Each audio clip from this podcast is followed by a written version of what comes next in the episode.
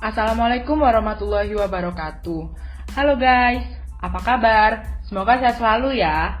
Nah, teman-teman, kalian tahu nggak bangsa yang besar adalah bangsa yang menghargai jasa pahlawan-pahlawannya loh.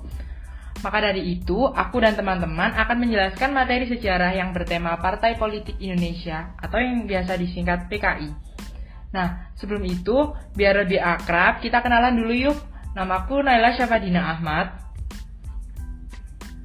Nama saya Fadila Unsatul Kusna. Saya Aliana Wara Salsabila. Nah, setelah kita kenalan, langsung masuk materi yuk.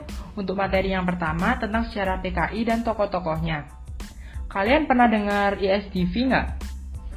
Nah, ISDV itu merupakan cikal bakal Partai Komunis Indonesia. Organisasi ini didirikan Henk Sniflit beserta kawan-kawannya pada 9 Mei 1914 Henk Sniflit merupakan aktivis komunis Belanda. Pada awal abad ke-20, ISTV maupun SI sama-sama mulia dan besar namanya di kalangan kaum kromo karena bergelut bersama buruh. Tokoh buruh muda yang bernama Semaun setidaknya pernah aktif di kedua partai tersebut. Sebelum ikut SI atau ISTV, Simaun sudah pernah ikut Serikat Buruh Kereta Api VCTP. Organ buruh ini sudah ada sejak 1908, jauh sebelum ada SI dan ISTV. Meski banyak orang Indonesia memahami ISTV adalah penyusup SI, ada beberapa sejarawan yang mencatat kedua organisasi itu membentuk federasi buruh bersama. Menurut Takeshi Shiraishi, dalam zaman bergerak, Radikalisme Rakyat di Jawa 1912 sampai 1926 dan kaum buruh atau PPKB, Federasi Buruh Bersama antara SI dan ISDV ini terbentuk pada 22 Desember 1919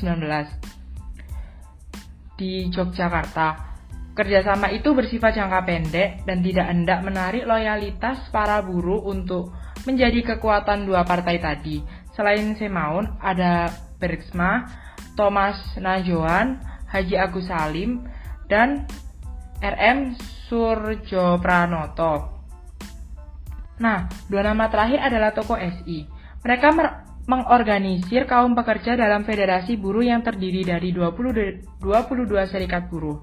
Dengan buruh sebanyak 72 ribu, di PPKB, Semaun ditunjuk sebagai ketua, Surjo Pranoto sebagai wakil ketua, Bergsma sebagai bendahara, dan Haji Agus Salim sebagai sekretaris. Semula, Thomas Najuan yang ditunjuk menjadi sekretaris, Hos Cokro Aminoto, pemimpin Sarekat Islam, juga berpengaruh di kalangan buruh. Tokoh buruh Semaun yang menjadi ketua Partai Komunis Indonesia atau PKI pertama adalah anak didik Cokro. Penggarapan masa tak hanya berjalan di kalangan buruh kereta api VCTP. Pada 1915, ISDV mengeluarkan surat kabar World, Sniflet, Bergsma, dan Adolf Bars menjadi pengasuh surat kabar tersebut. Mereka tak hanya mempengaruhi kaum buruh, tetapi juga para pelaut militer dan tentara. Pada 1923, Serikat Buruh Kereta Api VCTP melakukan mogok besar di Jawa. Karena pemogokan itu, Samoen harus diusir dari Hindia Belanda. Sepanjang masa pergerakan PKI, sepanjang masa pergerakan, PKI adalah partai yang paling dekat dengan buruh.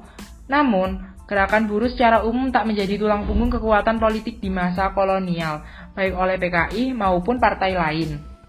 Gimana guys, udah paham belum tentang ISTV? Kalau udah, kita lanjut ya. Nah, selanjutnya ada pemberontakan 1926. Pemberontakan ini dilakukan terhadap pemerintah kolonial Hindia Belanda. Peristiwa ini berlangsung pada malam pergantian tahun, yaitu 1 Januari 1927 di Silungkang, Sumatera Barat dan sekitarnya. Gerakan PKI di Sumatera Barat ini kemudian disebut juga sebagai pemberontakan Silungkang atau pemberontakan malam tahun baru terungkap beberapa rencana pemberontakan yang akan dijalankan oleh kelompok PKI di Sumatera Barat pada tanggal 26 Juli 1926. Akan tetapi, sebelum itu juga dilakukan beberapa aksi terlebih dahulu. Beberapa langkah itu antara lain menyebarluaskan surat edaran Komite Pusat PKI nomor 221 yang isinya perintah kepada masyarakat Padang untuk menyerahkan uang derma. Hasilnya digunakan untuk untuk membeli keperluan persenjataan para pemberontak. Mereka juga menjalankan beberapa gerakan ilegal seperti membangun sel hingga membentuk organisasi yang akhirnya menanamkan pengaruh besar di Sumatera Barat. Selain itu, mereka melakukan aksi propaganda di kalangan bawah, seperti buruh tani dan perkebunan. Namun, gerakan itu ternyata dapat diendus oleh Belanda. Pemerintah kolonial mengambil tindakan tegas dengan meluncurkan aksi penangkapan terhadap para petinggi PKI Sumatera Barat.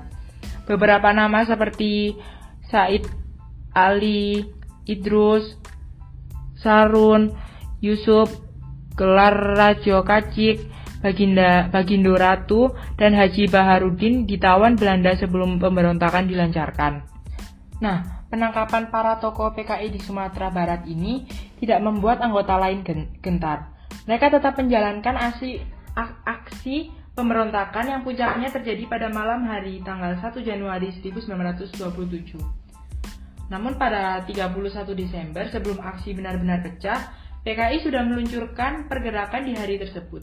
Kekuatan militer Belanda dapat membeku fondasi inti PKI, yakni Rumuat dan pasukannya. Kelompok-kelompok PKI lain yang sudah dibagi tugas ternyata tetap menjalankan apa yang seharusnya mereka kerjakan. Pada pukul 00.00 waktu Indonesia Barat, pada tanggal 1 Januari 1927, pasukan Muara Kalaban yang ketika itu dipimpin Karim Maroko dan Muluk Caniago berhasil menyerang kantor polisi Muara Kalaban dengan bom. Setelah itu, mereka langsung lari tunggang langgang karena ternyata polisi setempat bisa menandinginya. Pertempuran ini sempat membuat pasukan PKI Tarak Tarutung Tarung yang sedikit lagi sampai di sawah Lunto Gentar bersama pasukannya, Abdul Muluk Nasution menyerah dalam genggaman satuan polisi Belanda. Bukan hanya itu, di daerah lain seperti Tanjung Ampulu dan Padang Siberuk juga diluncurkan gerakan pembunuhan dan pembakaran rumah terhadap terduga kaki tangan Belanda. Pemberontakan Silungkang terbesar terjadi di tempat kumpul PKI, yakni Silungkang, Minangkabau, Sumatera Barat. PKI ketika itu membunuh para ofisir Belanda, guru agama, dan pedagang emas yang diklaim melakukan kerjasama dengan pemerintah Belanda. Namun aksi pemberontakan ternyata membuat Belanda semakin awas terhadap pergerakan-pergerakan komunis di Indonesia yang dahulunya dipanggil Hindia Belanda. Pemberontakan Silungkang diklaim sebagai cikal bakal munculnya pasal-pasal karet yang tidak jelas takarannya. Bahkan aturan ini berdampak pada para pejuang pergerakan nasional yang ketika itu sedang mewujudkan cita-cita persatuan Indonesia. Nah, gimana nih? Udah paham belum tentang pemberontakan 1926? Kalau udah, kita lanjut ya. Selanjutnya ada keterlibatan PKI dalam pemilu 1955. Menjelang pemilu 1955, Partai Komunis Indonesia dan para politisi partai-partai lain mengerahkan tenaga mereka terhadap pemilihan umum yang akan datang. Perkembangan PKI selama Kabinet Ali ketika partai ini bebas dari penindasan adalah sangat menakjubkan antara bulan Maret dan November 1945 dinyatakan bahwa jumlah anggota partai ini meningkat tiga kali lipat 165.200 menjadi 500.000 dan pada akhir tahun 1955 mencapai 1 juta. PKI kini mulai melakukan usaha yang serius untuk menerima para petani sebagai anggota. Barisan Tani Indonesia atau biasa disingkat BTI Suatu organisasi PKI menyatakan mempunyai 360 ribu anggota pada bulan September 1935, tetapi jumlah tersebut mencapai lebih dari 9 kali lipat pada akhir tahun 1955. Hampir 90% anggotanya berada di Jawa, dengan demikian Partai Komunis Indonesia sudah mempunyai basis masa yang besar. Nah, pendaftaran pemilih dalam pemilu 1955 mulai, mulai dilaksanakan sejak bulan Mei 1954 dan baru selesai pada November. Tercatat ada 43.104.464 warga yang memenuhi syarat masuk bilik suara. Dari jumlah itu, sebanyak 87,65 persen atau 30 juta 875.299 yang menggunakan hak pilihnya pada saat itu. Pada pemilu pertama tahun 1955, Indonesia menggunakan sistem proporsional yang tidak murni. Proporsional penduduk dengan kuota 1 banding 300 ribu tidak kurang dari 80 partai politik, organisasi massa, dan puluhan perorangan ikut serta mencalonkan diri dalam pemilu yang pertama ini. Keseluruhan peserta pemilu pada saat itu mencapai 172 tanda gambar. Pada pemilu ini, anggota TNI APRI juga menggunakan hak pilihnya berdasarkan peraturan yang berlaku ketika itu. Pada pelaksanaan pemilu pertama, Indonesia dibagi menjadi 16 daerah pemilihan yang meliputi 208 daerah kabupaten, 2139 kecamatan, dan 43.429 desa. Dengan perbandingan setiap 300.000 penduduk diwakili seorang wakil. Pemilu pertama ini diikuti oleh banyak partai politik karena pada saat itu NKRI menganut kabinet multipartai sehingga DPR hasil pemilu terbagi ke dalam beberapa fraksi. Nah, sesuai tujuannya, pemilu 1955 ini dibagi menjadi dua tahap. Apa aja sih tahap itu? Yang pertama, ada pemilu untuk memilih anggota DPR. Nah, tahap ini diselenggarakan pada tanggal 29 September 1955 dan diikuti oleh 29 partai politik dan individu. Tahap kedua adalah pemilu untuk memilih anggota konstituante. Nah, tahap ini diselenggarakan pada tanggal 15 Desember 1955. Nah, gimana guys? Sudah paham belum tentang pemilu 1955? Kalau udah, kita lanjut ya. Selanjutnya ada peranan PKI dalam persiapan gerakan 10 September. Sementara itu, pada tahun 1965, usaha PKI untuk menguasai pemerintah semakin ditingkatkan. PKI menuntut supaya dalam tubuh ABRI diadakan nasokomisasi dengan menempatkan komisaris-komisaris politik di setiap angkatan untuk membina ideologi, doktrin, dan ajaran perjuangan bagi setiap prajurit ABRI. Dalam upaya menguasai pemerintah PKI mengusulkan dibentuknya angkatan kelima, di samping angkatan darat, angkatan laut, angkatan udara, dan angkatan kepolisian, angkatan kelima adalah unsur pertahanan keamanan Republik Indonesia yang merupakan gagasan PKI. Angkatan kelima ini diambil dari kalangan buruh dan petani yang dipersenjatai dan mendapatkan pelatihan militer. Namun, usulan PKI untuk membentuk angkatan kelima tidak disetujui dan ditentang oleh pihak angkatan darat. Tetapi dalam kesempatan ini tampaknya Aidit mendapat persetujuan Soekarno secara diam-diam yang kemudian digunakan oleh PKI untuk mendapat keuntungan sebanyak-banyaknya. Usulan-usulan tentang pembentukan angkatan kelima tidak berhenti sampai situ saja. Pada tanggal 31 Mei 1965, Soekarno membicarakan tentang tawaran Jo untuk mempersenjatai rakyat dan memerintahkan agar keempat angkatan bersenjata mengajukan rencana. Rencana bagi pelaksananya pada tanggal 1 Juni 1965 menekankan kepada para panglima teritorial agar memberikan pertimbangan serius terhadap konsepsi tersebut. Tentu saja hal ini menimbulkan kegemparan luar biasa yang akhirnya memaksa Panglima Angkatan Darat yaitu Jenderal Ahmad Yani menyatakan bahwa presiden berhak mengambil keputusan semacam itu. Sementara itu Panglima Angkatan Darat Pangau Marsekal Omar Dhani memberikan dukungan dan tanpa ragu-ragu terhadap usulan tersebut dan mengumumkan bahwa Marxisme akan diajarkan dalam sekolah staf dan komando angkatan udara. Sedangkan Panglima Angkatan Laut yaitu Laksamana R.E.D. Marta Dinata juga mengumumkan dukungannya terhadap usulan tersebut. Nah, Konflik antara PKI dengan Angkatan Darat pun semakin meningkat dengan dilontarkannya usulan pembentukan Angkatan Kelima tersebut. Konflik tersebut juga semakin memburuk lagi dengan munculnya serangan-serangan terbuka terhadap elit Angkatan Darat yang berkaitan dengan gaya hidup mereka dengan kemewah-mewahan maupun dengan sikap reaksioner yang mereka tampilkan. Sementara itu, ketegangan antara PKI dengan TNI Angkatan Darat semakin diperburuk dengan munculnya isu Dewan Jenderal. Isu ini tidak lain bertujuan untuk memperburuk citra TNI Angkatan Darat di depan pemerintah dan rakyat. Isu ini disebarluaskan melalui anggota-anggota PKI yang aktif di berbagai lingkungan. Dalam isu ini, disebutkan terdiri atas sejumlah Jenderal TNI Angkatan Darat antara lain Jenderal TNI AH Nasution, Letjen TNI Ahmad Yani, Maijen TNI Supar, Suprapto, Maijen TNI S. Sparman, Maijen TNI Haryono, MT Brigjen TNI Sutoyo, Brigjen TNI DI Panjaitan, dan Brigjen TNI Sukendro yang mempunyai sikap antipati terhadap PKI. Setelah isu Dewan Jenderal tersebar, luas, tersiar pula tentang adanya kabar mengenai isu dokumen Gilchrist. Gilchrist adalah nama duta besar Inggris di Jakarta yang nama lengkapnya Sir Andrew Gilchrist dan bertugas di Indonesia pada tahun 1963 hingga 1966.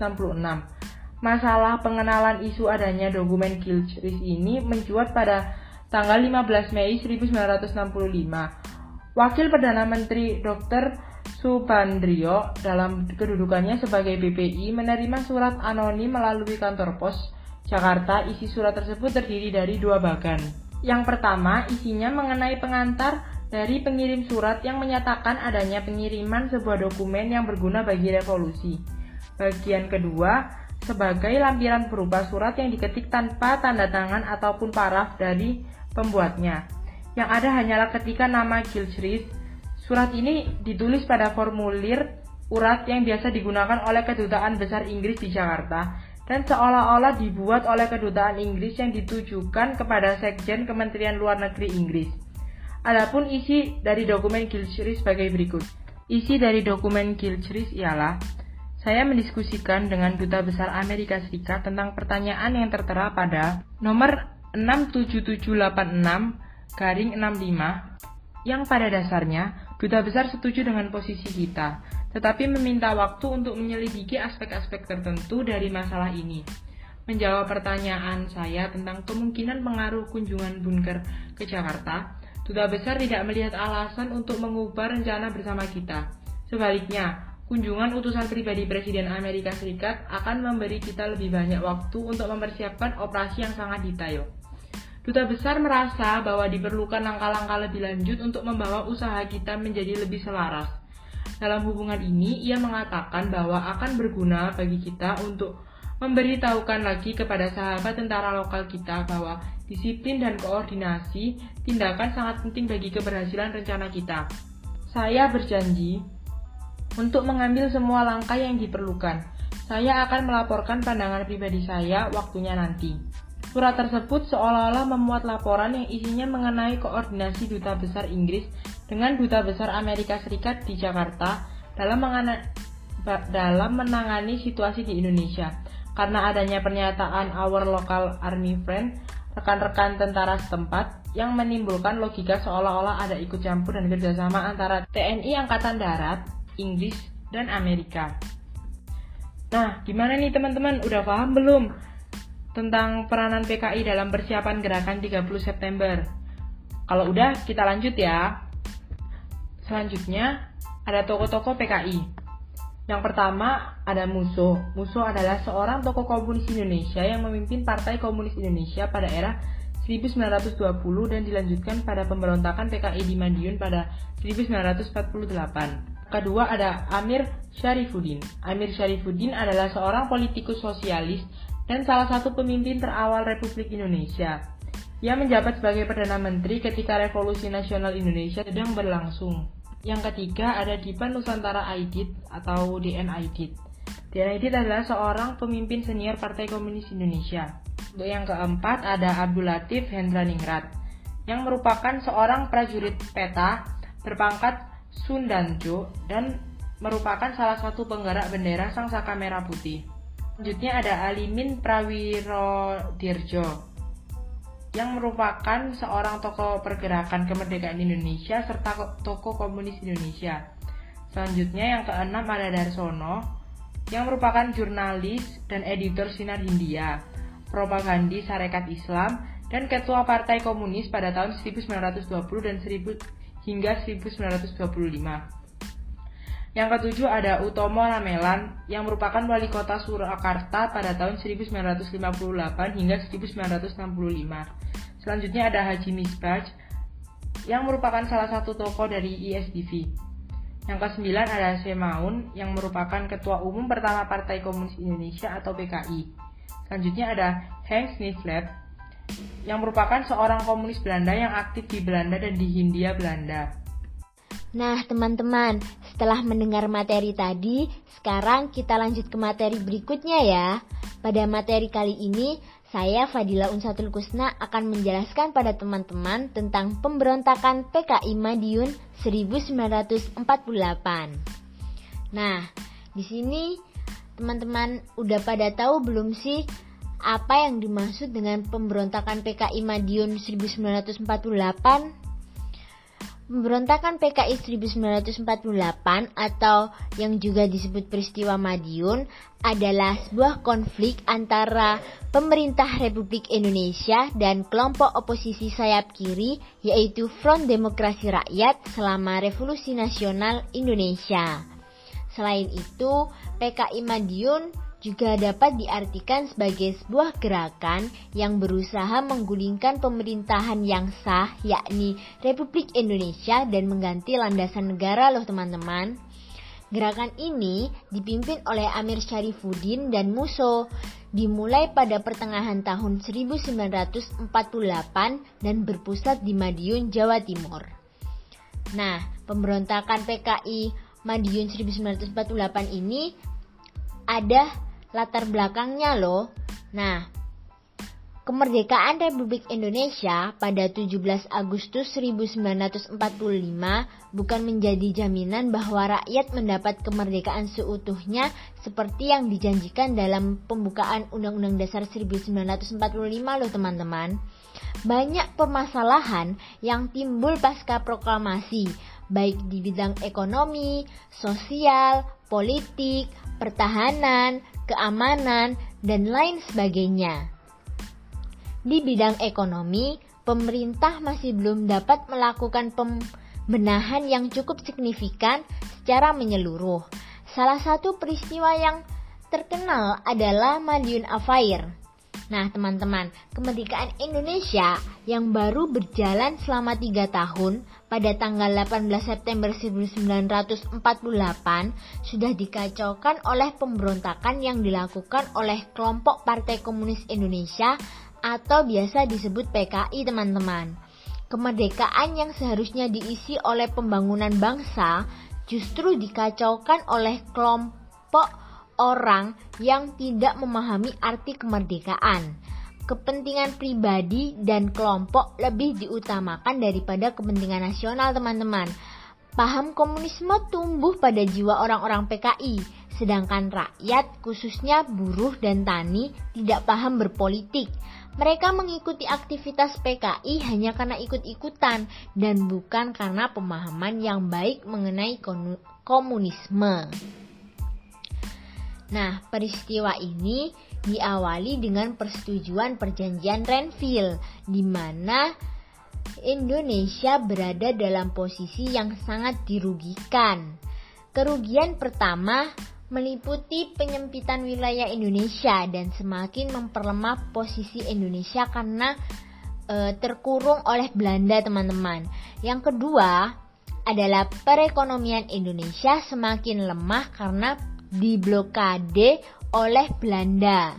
Kerugian ketiga adalah konflik antara Amir Syarifuddin dan kelompok kontra hasil perjanjian Renville yang didominasi oleh Partai Nasional Indonesia atau biasa disebut PNI dan Masyumi.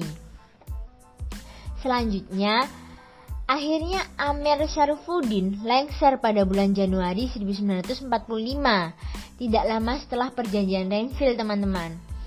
Kejatuhan Amir Syarifuddin disikapi dengan nada kecewa oleh Muso. Ia beranggapan adalah Suatu kesalahan bagi Amir Syarifuddin dengan kondisi terlepasnya kekuasaan dari tangannya karena untuk menciptakan negara komunis teman-teman. Pasca tergulingnya Amir Syarifuddin, Muhammad Hatta ditunjuk menggantikan Amir Syarifuddin untuk membentuk kabinet. Nah, pada pembentukan kabinet ini, Hatta mengajak PNI, Masyumi, dan sayap kiri untuk bersama-sama membentuk uh, kabinet koalisi dengan proporsi wakil yang berimbang. Sayap kiri tidak menolak untuk terlibat dengan kabinet koalisi Hatta, teman-teman. Namun, gini teman-teman, sayap kiri menginginkan posisi yang lebih strategis dan lebih dominan dengan mengajukan opsi penempatan. Nah, Amir Syarifuddin menggalang kekuatan dengan golongan sosialis lain seperti Partai Sosialis Indonesia atau PSI, Partai Komunis Indonesia atau PKI, Pemuda Sosialis Indonesia atau Pesindo, Partai Buruh menjadi kelompok perjuangan Front Demokratik Rakyat atau biasa disebut VDR. Nah, Front Demokrasi Rakyat atau disebut VDR ini didukung oleh Partai Sosialis Indonesia, Pemuda Sosialis Indonesia, PKI, dan Sentral Organisasi Buruh Seluruh Indonesia atau biasa disebut SOPSI. Nah, pada tanggal 11 Agustus 1948, Musso tiba dari Moskow. Semenjak kedatangan Musso, bersatulah kekuatan PKI dan VDR di bawah pimpinan Muso dan Amir Syarifuddin. Jadi seperti itu teman-teman latar belakang dari uh, terjadinya peristiwa pemberontakan PKI Madiun 1948. Nah, selanjutnya uh, ada aksi-aksi yang dilakukan oleh PKI pada saat itu teman-teman. Nah, pemberontakan PKI di Madiun berawal dari upaya VDR untuk menjatuhkan kabinet e, Hatta. Terus kegiatan VDR mendapat dukungan dari PKI yang dipimpin oleh Muso. Aksi-aksi yang dilakukan oleh PKI beserta or e, ormas-ormasnya antara lain Uh, yang pertama melancarkan propaganda anti pemerintah, yang kedua mengadakan aksi mogok kerja, yang ketiga melakukan pembunuhan-pembunuhan. Korbannya antara lain Kolonel Sutarto dan Dr. Moewardi. Nah, pada tanggal 18 September 1948, VDR dan PKI memproklamasikan berdirinya negara Soviet Republik Indonesia di kota Madiun.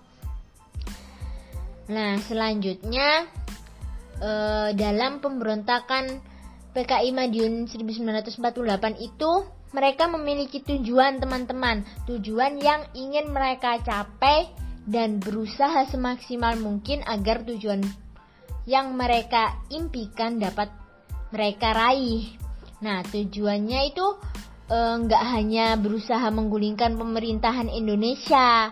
Pemberontak Kan PKI di Madiun juga bertujuan untuk yang pertama membentuk negara Republik Indonesia Soviet, yang kedua mengganti dasar negara Pancasila dengan komunisme, yang ketiga menghancurkan dan menggulingkan kabinet Hatta, yang keempat mengajak petani dan buruh untuk melakukan pemberontakan. Nah, itu e, bisa dijadikan motivasi mereka untuk melakukan pemberontakan ini, teman-teman. Selanjutnya, ada toko-toko yang terlibat dalam pemberontakan ini. Itu cukup banyak teman-teman. Nah, juga ada bagian-bagiannya dalam melakukan pemberontakan ini. Di sini aku akan e, menyebutkan sebagian aja ya. Nah, toko-toko yang terlibat dalam PK itu yang pertama Muso, yaitu tokoh utama dan pemimpin pemberontakan PKI Madiun tahun 1948. Yang kedua, Amir Syarifuddin, yaitu pemimpin FDR.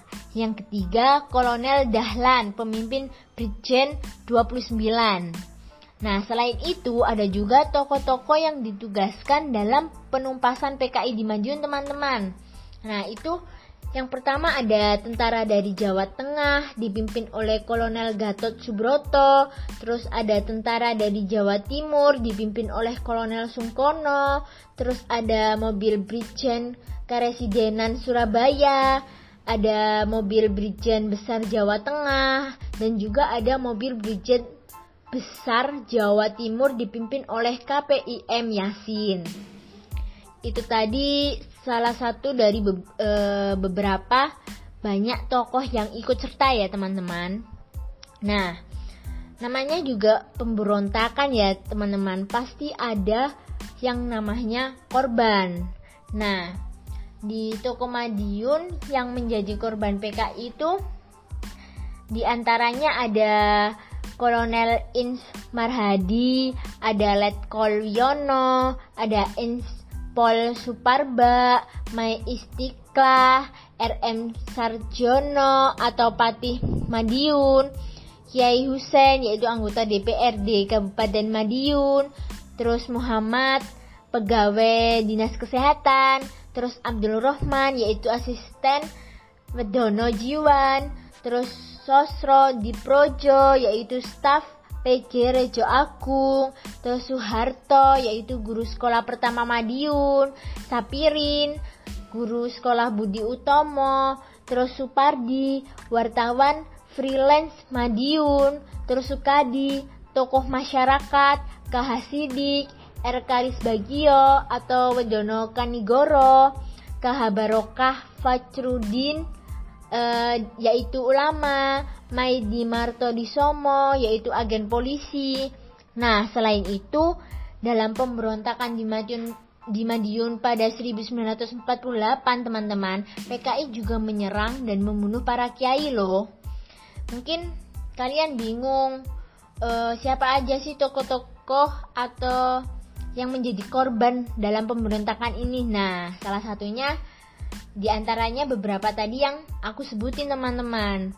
Nah, berikutnya dalam pemberontakan PKI di Madiun itu ada dampak negatif yang ditimbulkan dan juga ada dampak positifnya. Dampak negatifnya itu pemberontakan PKI telah ikut melemahkan kekuatan pertahanan pasukan Republik Indonesia yang tengah menghadapi agresi militer Belanda loh teman-teman. Nah, Dampak positifnya, Amerika Serikat tertarik untuk membantu dan membela Indonesia karena pihak Republik Indo uh, karena pihak Republik bertindak tegas terhadap pemberontakan PKI. Saat itu Amerika takut pengaruh Uni Soviet akan berkembang di Indonesia. Jadi itu tadi tentang uh, beberapa penjelasan yang aku jelasin tentang pemberontakan PKI Madiun 1948 teman-teman. Dan selanjutnya kita lanjut ke materi berikutnya yang akan dijelaskan oleh teman saya ya.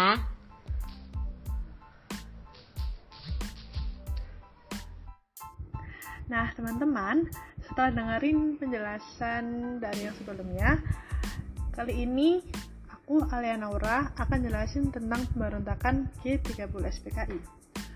Gerakan 30 September atau G30S adalah sebuah peristiwa yang terjadi selewat malam pada tanggal 30 September sampai 1 Oktober tahun 1965 ketika tujuh perwira tinggi militer Indonesia beserta beberapa orang yang lain dibunuh dalam suatu usaha kudeta.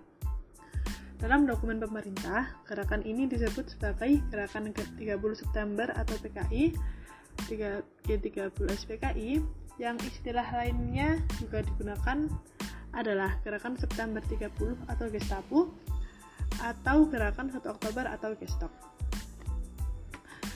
Latar belakang dari peristiwa G30 SPKI yaitu pada masa revolusi PKI menjadi salah satu kekuatan politik yang berpengaruh dalam pemerintahan Republik Indonesia.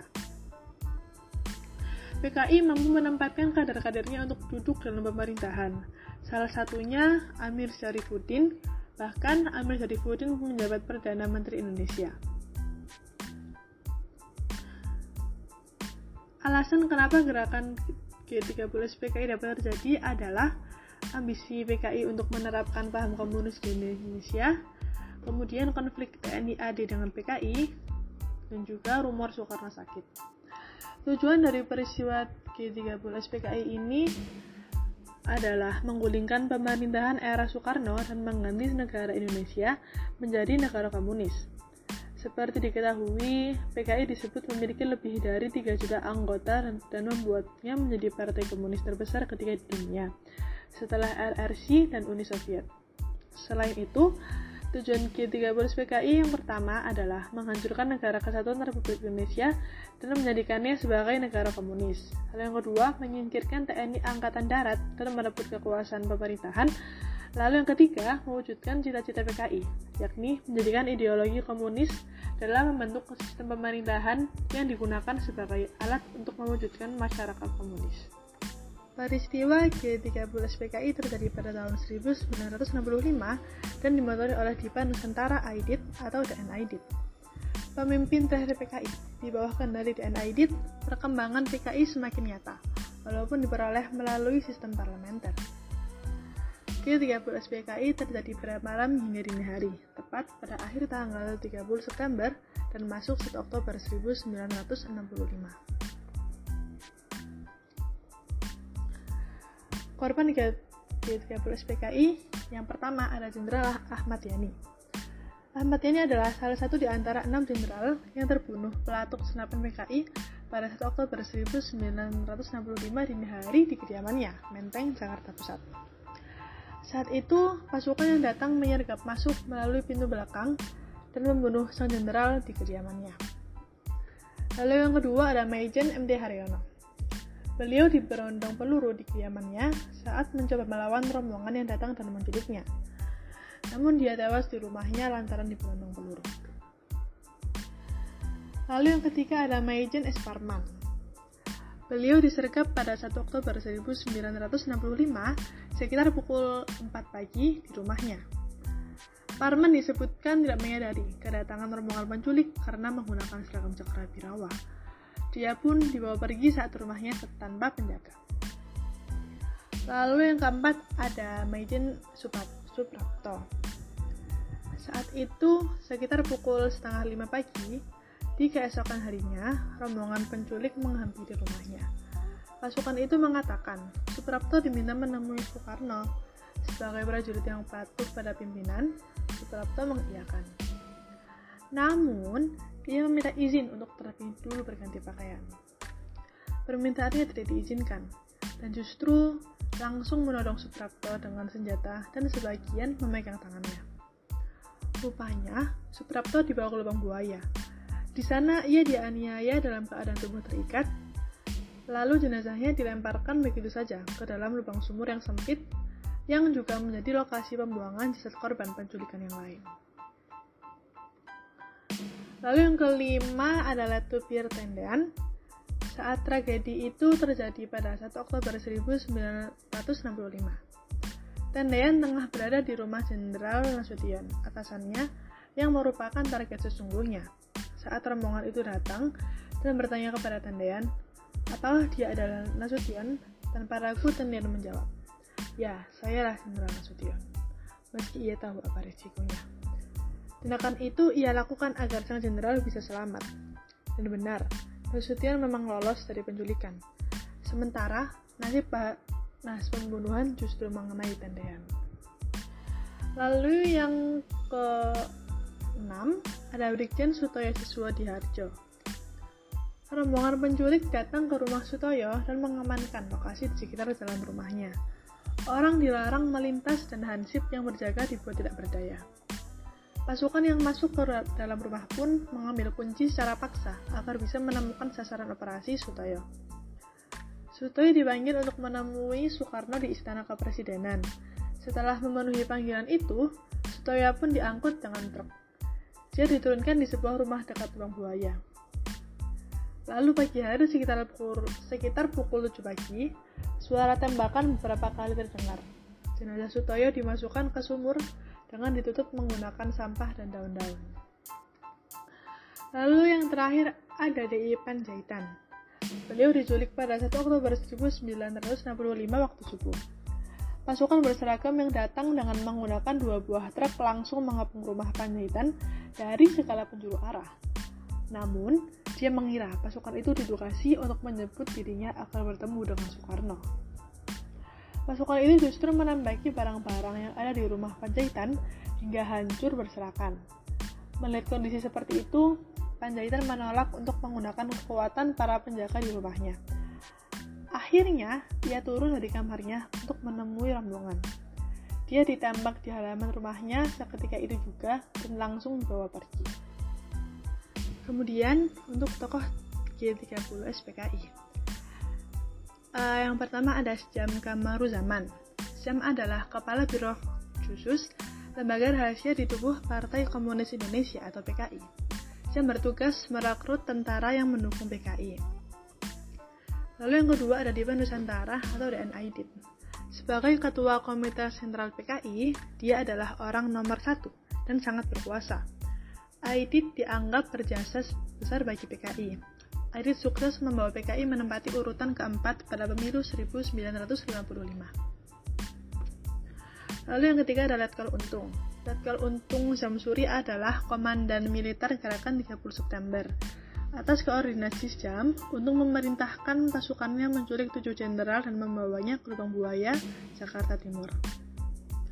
Namun, rencana berantakan saat para jenderal sudah ada yang ditembak di rumah. Lalu yang keempat ada Brigjen Suparjo. Dalam G30 SPKI, Suparjo yang punya pangkat lebih tinggi justru menjadi wakil komandan Letkol Untung. Suparjo juga punya peran penting sebagai juru bicara G30S untuk menemui Soekarno dan menjelaskan aksi ini. Lalu yang terakhir ada Kolonel Abdul Latif. Bersama Letkol Untung dan Brigjen Suparjo, Kolonel Abdul Latif merupakan salah satu perwira utama pelaku G30S. Yang saat itu, Latif menjabat Komandan Brigade Infanteri 1 atau Jaja Sakti. Jabatannya strategis, karena dia membawahi pasukan pengamanan ibu kota. Untuk dampak peristiwa G30 SPKI, ada dampak dalam berbagai bidang. Salah satunya yaitu dampak politik. Yang pertama, dampak politiknya itu Presiden Soekarno kehilangan kewibawaannya di mata rakyat Indonesia. Kemudian, kondisi politik Indonesia semakin tidak stabil sebab muncul pertentangan dalam lembaga tinggi negara. Kemudian, sikap pemerintah yang belum dapat mengambil keputusan untuk membubarkan PKI sehingga menimbulkan kemarahan rakyat. Lalu ada dampak ekonomi.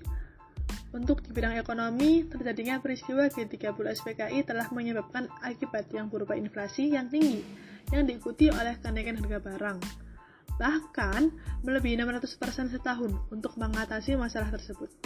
Pemerintah mengeluarkan dua kebijakan ekonomi, yang pertama yaitu mengadakan devaluasi rupiah lama menjadi rupiah baru, yaitu seribu rupiah menjadi seratus rupiah. Lalu yang kedua, menaikkan harga bahan bakar menjadi empat kali lipat, tetapi kebijakan ini menyebabkan kenaikan harga barang yang sulit untuk dikendalikan. Lalu yang terakhir ada dampak sosial politik terhadap masyarakat Indonesia. Setelah peristiwa G30 SPK berakhir, kondisi politik Indonesia masih belum stabil. Situasi nasional sangat menyedihkan, kehidupan ideologi nasional pun belum mapan. Sementara itu, kondisi politik juga belum stabil karena sering terjadi konflik antar partai politik. Demokrasi terpimpin pun justru mengarah ke sistem pemerintahan diktator. Kehidupan ekonomi lebih suram, sehingga kemelaratan dan kekurangan makanan terjadi di mana-mana. Nah, itu tadi penjelasan dari aku dan teman-temanku tentang materi Partai Komunis Indonesia. Semoga kalian paham ya. Terima kasih.